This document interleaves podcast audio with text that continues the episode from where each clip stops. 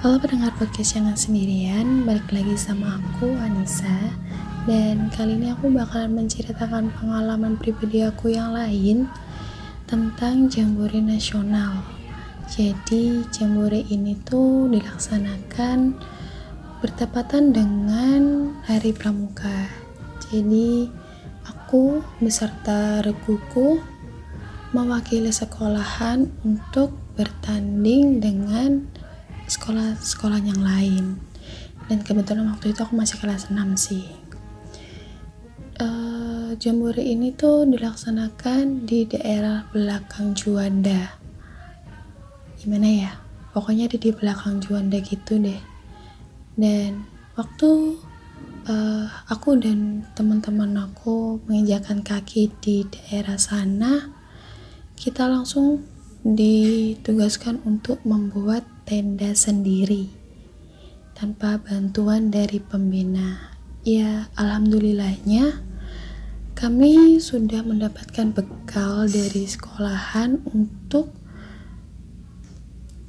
bagaimana cara menggunakan atau membangun tenda dengan benar. Dan ya ketika kita membangun tenda sudah selesai tiba-tiba tanpa kita sadari ada beberapa binatang yang masuk di dalam tenda kami.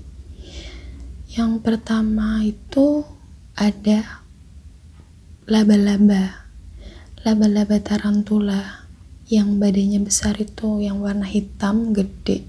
Dan aku sendiri takut. Aku nggak tahu sih harus kayak gimana aku harus mengeluarkan laba-laba itu kayak gimana akhirnya aku manggil uh, pembina salah satu panitia di sana untuk mengeluarkan binatang tersebut. Itu. Setelah sudah dikeluarkan akhirnya kami memasukkan barang-barang kami ke dalam tenda. Ketika kami uh, selesai memasukkan barang-barang kami tak lama kemudian ada binatang lain lagi yang masuk ke dalam tenda kami. Kalau nggak salah waktu itu ular ular kecil gitu warna hitam. Aku merasa aneh sih kenapa ada dua hewan yang masuk ke dalam tenda gitu? Padahal tempat itu tuh jauh dari rumput, jauh dari pohon.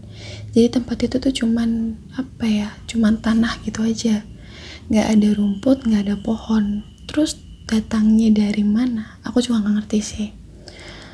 Nah setelah semuanya udah selesai, hewan-hewan itu udah keluar, kami melanjutkan uh, kegiatan untuk lomba-lomba yang lain gitu dan setelah kami melakukan lomba-lomba waktu malam hari ada pelaksanaan api unggun.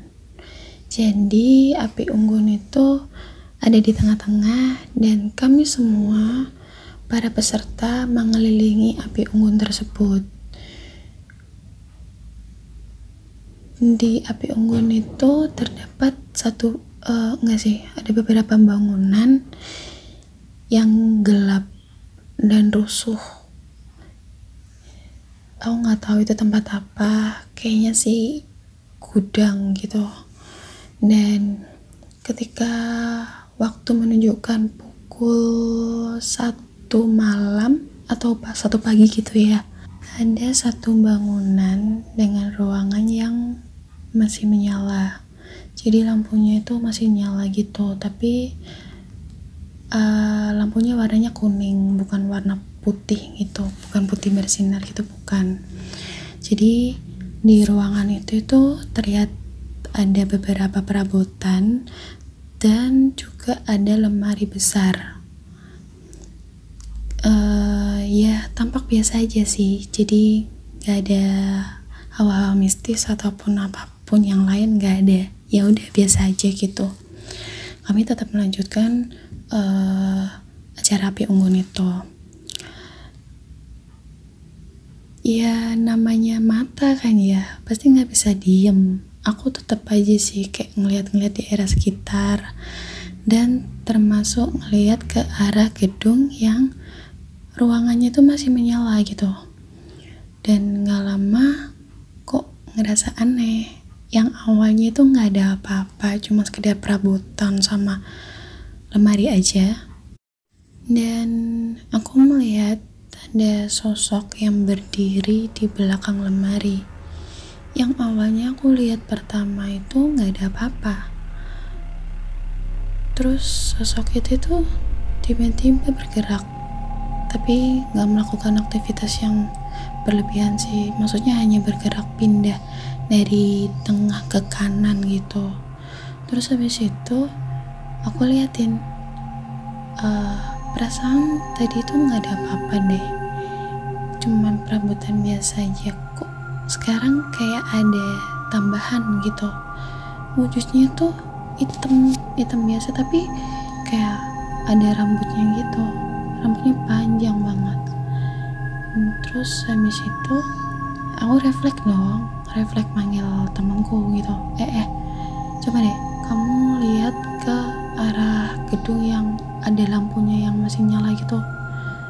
Itu tuh uh, aku pandangan aku itu lihat temanku sambil aku megang temanku gitu.